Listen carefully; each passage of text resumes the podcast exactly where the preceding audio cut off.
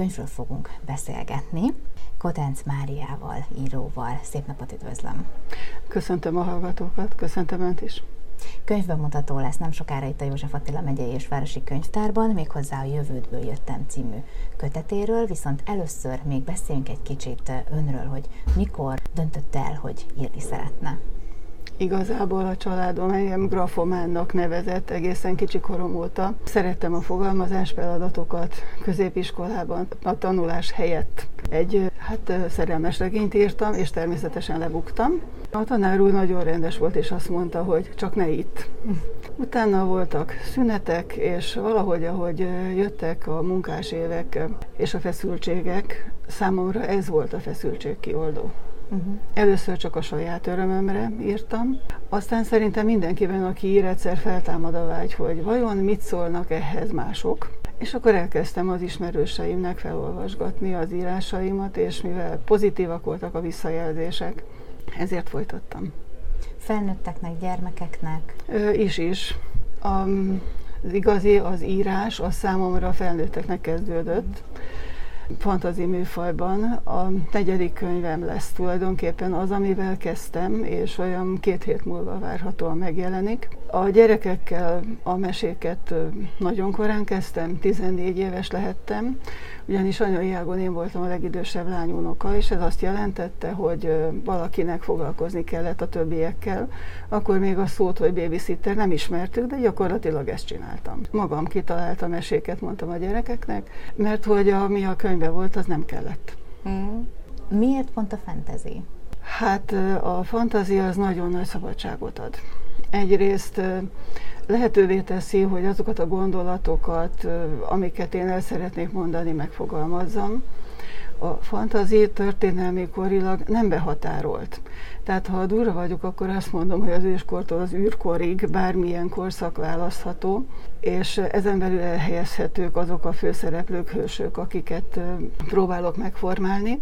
Igazából először nevetni fog. Indián regényel próbálkoztam. Én az a korosztály vagyok, aki még oly Komitics és filmjeit nézegette, de rövid időt rájöttem arra, hogy nem ez az, amit én szeretnék, és nem is vagyok elég jó benne. Utána jött egy olyan időszak, hogy akkor történelmi regény, és muszáj volt rájönnöm, hogy Pasut László sem vagyok, mert amit történelmből tudok, az túl kevés, és akkor még nem volt igazán indítatásom arra, hogy kutatással is foglalkozzam, és akkor úgy azt gondoltam, hogy akkor talán valami, ami több szabadságot ad nekem, és ez a fantazi műfaja lett. Pedig egy jó indián történetet már olvasnék egyébként, ez nagyon ritka, mm, hogyha hát valaki a, ezzel Igen, a régiek voltak valóban azok, uh-huh. amik bennünket, tehát ilyen, hogy Karmai könyvek, uh-huh. Vinetú, ezüstó kincse, többi most nem jut uh-huh. eszembe, de az, hogy ott vannak olyan kötöttségek, legalábbis az én szememben, amitől egy indián regény, indián regény lesz, uh-huh. az életformájuk, a beszédmódjuk, a visszaemlékezéseik, hogy mindig a kájhától indulnak el.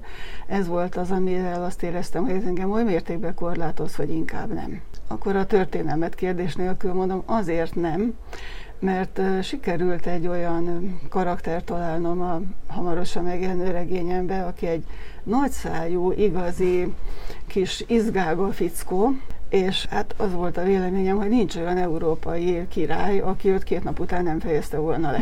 És akkor nincs regény. Viszont a fantaziban lehet olyan király. Mm. Igen, igen. Ha a fantasyről van szó, ugye ott is tényleg nagyon-nagyon tág ez a fogalom, tehát hogy vannak ugye tündérek, sárkányok. Igen. Melyik az a világ, ami felé igazán fordul általában? Én ezt úgy fogalmaznám meg, hogy ezt a jelzőt egyik béta olvasomtól kaptam, poros lábú fantazikat írok. Uh-huh. Ez azt jelenti, hogy mindaddig a földön tartom a hőseimet, amíg van földi megoldás. Uh-huh. Amikor nincs, akkor jön a varázslat, és ez a varázslat általában embertől származik. Nem hókusz-pókusz, nem varázspálca, de azért mégiscsak emberi varázslatok. Nincsenek a most újabban megjelenő könyvben sárkányok és egyéb ilyen ö, csodalények, de lesz olyan könyv, amiben majd lesznek. Ez nem, gond, nem gondolom, hogy mindent meg kell írni mm. egy könyvben. Tehát Igen. legyen olyan, hogy van egy sárkányos könyv, legyen, ami nem az, és lehet, hogy lesz valami tündéres is majd mm. egyszer, nem tudom. A jövődből jöttem is tulajdonképpen elrugaszkodik ugye ettől a világtól. Egy picit most beszéljünk akkor erről a könyvről, ha már azért vagyunk itt. Hogyan született meg maga a regény ötlete? Mindig foglalkoztatott a négy elem, tehát tűz, víz, föld, levegő, és hogyha valaki a négy gyerek nevét figyeli, akkor ezek a nevek csak különböző nyelveken jelennek meg. És eredetileg egy olyan elképzelésem volt, hogy a négy elem segíti a négy gyereket, és ők küzdenek valamilyen célért. Aztán az egyik barátnőm mondta, hogy hát ez olyan Harry Potteres, ne csináld. Szót fogadtam, és elgondolkodtam azon, hogy ha nem is vagyok természetrajongó, de azért valamilyen szinten igenis tisztelem a természetet, és látni azt, hogy mi minden tűnik el nem kell más csinálni, csak National Geographicot nézni, vagy valamelyik Viaszat Explorer csatornát, és akkor az ember látja ezeket a dolgokat, és úgy gondoltam, hogy mi lenne, ha ezt tínédzserek szemén keresztül mutatnám meg. Mert látják.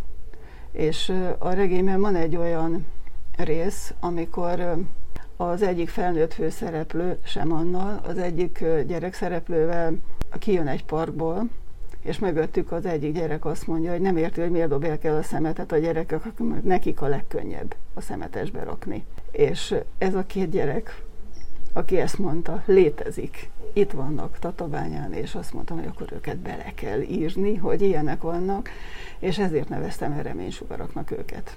Szerintem ez a jövő, hogy ők, ők azért már egy, kapnak egy olyan környezetudatosabb nevelést Ovitól kezdve, amit ha nem hagynak el menet közben, akkor talán, talán jó lesz. Igen, talán jó irányba haladunk. Meg Igen. hát annyi könyv is szól erről, akár a méhekről, méhek pusztulásáról Igen. is beszélünk, vagy ugye David Attenborough az, aki tulajdonképpen ennek a jelzőfénye tulajdonképpen, hogy mi észrevegyük, hogy, mi az a, hogy mit teszünk a bolygónkkal tulajdonképpen. Igen. Ön egyébként hogyan készült fel erre, hogy azért uh, hivatalosan, vagyis hát, hogy uh, életszerűen tudja ezt ábrázolni a regényben? Hát először is eldöntöttem, hogy jelenkor 2018. Miért nem később? Eredetileg nem akartam a járvány időszakáról írni, azt gondoltam, hogy ami előtte van, az is éppen elég, és az is eléggé jelenkor. Mindenképpen azt szerettem volna, hogy egy megszokott környezetükből kiszakadt kis társaság kerüljön valahová, részben azért, hogy uh, hogyan bírnak el egymással, mi lesz a végére, ellenségek lesznek vagy barátok, és hogy hogyan viszonyulnak a nagyvárosi környezet helyett a természeti környezethez. Tehát ez, ez volt az alapállás. Most az, hogy ez a természeti közeg, ez hol legyen, igazából azt mondom, hogy mondjuk Mátra vidéke, erőteljesen tanulmányoztam az ottani földrajzot, állatvilágot, növényvilágot, szokásokat, mondjuk ornitológusok cikkeit olvastam, hogy milyen is egy madár megfigyelés, tehát az adatgyűjtés az nem maradt el. Sok motiváló gondolatot találtam Greta Thunberg Égaházunk című könyvében, nem annyira direkt módon, mint ahogy az ő könyvében van, de azért visszaköszönnek gondolatok. Én nagyon remélem, hogy ez szabad. Hogyan képzeljük el a regény történetét? Spoilerek nélkül természetesen. Mert ugye a, címre, a címből gondolom, hogy ugye a jövőtből jöttem, Igen. tehát hogy Akkor játszódik a jövőben is, játszódik nem. most is. Értem, vagy... hogy mitől lesz a, jövőből jöttem. Induljunk ki onnan, hogy négy jelenkori gyerek a főszereplője, 12-től 14 éves korig, akik egy farmra kerülnek egy kedves házaspárhoz, ahol már ott van egy másik gyerek, egy ötödik, aki 16 éves, és valahogy ide keveredett a 400 évvel későbbi jövőből. Tehát ő az, aki a jövőből jött, ő az, aki már tudja, hogy milyen lehet ez a bolygó és ez a közeg, hogyha vigyázunk rá és sokat teszünk érte. És ő az, akire egy idő után ezek a gyerekek elkezdenek hallgatni. Természetesen rövid idő alatt rájönnek arra, hogy vele valami nem stimmel, mindenki másképpen, és barátok lesznek. Megtudunk valamit arról a vízióról, amit ön gondol, hogy mi lett volna, vagy mi lesz 400 évvel később? Hát, hogy ez vízió vagy vágy, ezen lehet vitatkozni. Van egy olyan mondata a könyvnek, hogy és akkor ez a kéken-zölden fénylő bolygó lesz a hazánk. Hmm. Ez. Miért pont ez lett a címe? Arra azért kérdezem, mert hogy lehetne jövőből jöttem is, de ugye a jövődből jöttem, már eleve ugye... Célzott akart lenni mm. a tinédzsereknek, ez a mhm. cím, mm-hmm. és hát a megszólítás egy tinédzsernél az ez, tehát őt nem fogom magázni, és nem fogok egy egyes számharmadik személyű megszólítást alkalmazni, hanem direktben. Miért? Vannak a környezetemben ilyen tizenéves gyerkőcök, és amikor nekik szóló dolgot írok, vagy például ennek a könyvnek a borítóját, amikor a kiadó megterveztette, akkor megmutattam nekik. Volt lehetőségük választani, és nagyon örültek, hogy azt választottam, ami nekik is tetszett volna. Tehát így én úgy érzem, hogy igaz, hogy nem a teljes tinédzser korosztályjal, de mégis valakikkel közülük beszélgetek, és akkor igen, az ő jövőjük lesz igazából az, ami, ami, ami lesz. Tényleg nagyon szép lett a borító, egyébként én is néztem. Mi az, amit elvihetünk magunknak ebből a kötetből? Mert ahogy így a szavaiból kiveszem, azért nem csak tinédzserkor korosztálynak szólna ez a könyv, hiszen bár a tinédzserkorban és a gyerekkorban indul el minden, és ott lehet elvetni ezeket a magokat, ettől függetlenül még mi is felnőttek is észhez térhetünk szerintem. Vannak visszajelzéseim. Egy érdekes visszajelzés, hogy felvetődött, hogy mi lenne, ha elejétől a végéig elolvastatnánk ezt a könyvet valaki olyan, aki engem még csak nem is ismer. Ez egy 12 éves fiú volt, és ő elolvasta a könyvet. Nagypapa volt, aki 52 éves és segített a könyv feldolgozásában, és itt a könyvtár kávézójában beszéltük meg a család tapasztalatait a könyvvel kapcsolatban. És nagypapa fogalmazta meg úgy, hogy ez a könyv nem ifjúsági regény, csak nekik is szól. Ez igazából mindenkinek szól, aki ezeket a kérdéseket képes felfogni, megérteni korhatár nélkül. Általában milyen kérdéseket szokott kapni a könyvvel kapcsolatban? Hát miért elkezdődő kérdéseket, hogy most miért olyan az az ember, aki a tartálykocsiból belengedi a vegyi anyagot a folyóba, csak azért, mert ilyenek is vannak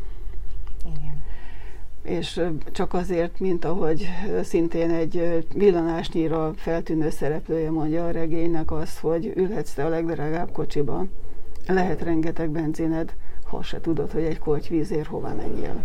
Tehát azért az érték az kicsikét át kellene sorolódni. Mégis ez volt a cél, hogy ez azért úgy, úgy menjen. Tervez még hasonló témában könyvet? Vagy Kérdezték, egy... hogy lesz-e folytatása ennek a könyvnek és én először rávágtam, hogy nem. És aki a kérdést feltette, azzal folytatta, hogy azt, hogy ezt a könyvet meg tudom írni, azt tudtam előre. Mm. És a válasz az volt, hogy nem. Akkor pedig erre sem mondjam, hogy nem. Igen. Egyébként úgy van lezárva, hogy lehetne folytatni? Elvileg igen. Uh-huh.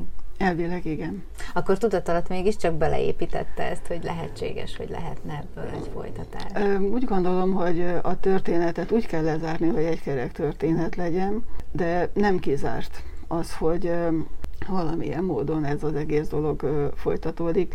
Nem szeretnék oda-vissza időutazást csinálni a regényből, uh-huh. egy következőből. Nem igazán forognak gondolataim ebben. Egy igen, hogy ennek a jövőből jött fiúnak akkor születik testvére, amikor visszamegy. Uh-huh. És az vetődött fel bennem, hogy mi van, hogyha ez egy égetni való rossz kislány lesz. és néha úgy időn és téren túl. De itt megálltam egyelőre. Uh-huh. Tehát ez mutatja, hogy lehetséges. Na hát remélhetőleg akkor lesz ennek folytatása, és nagyon szépen köszönöm a beszélgetést. Én köszönöm a lehetőséget.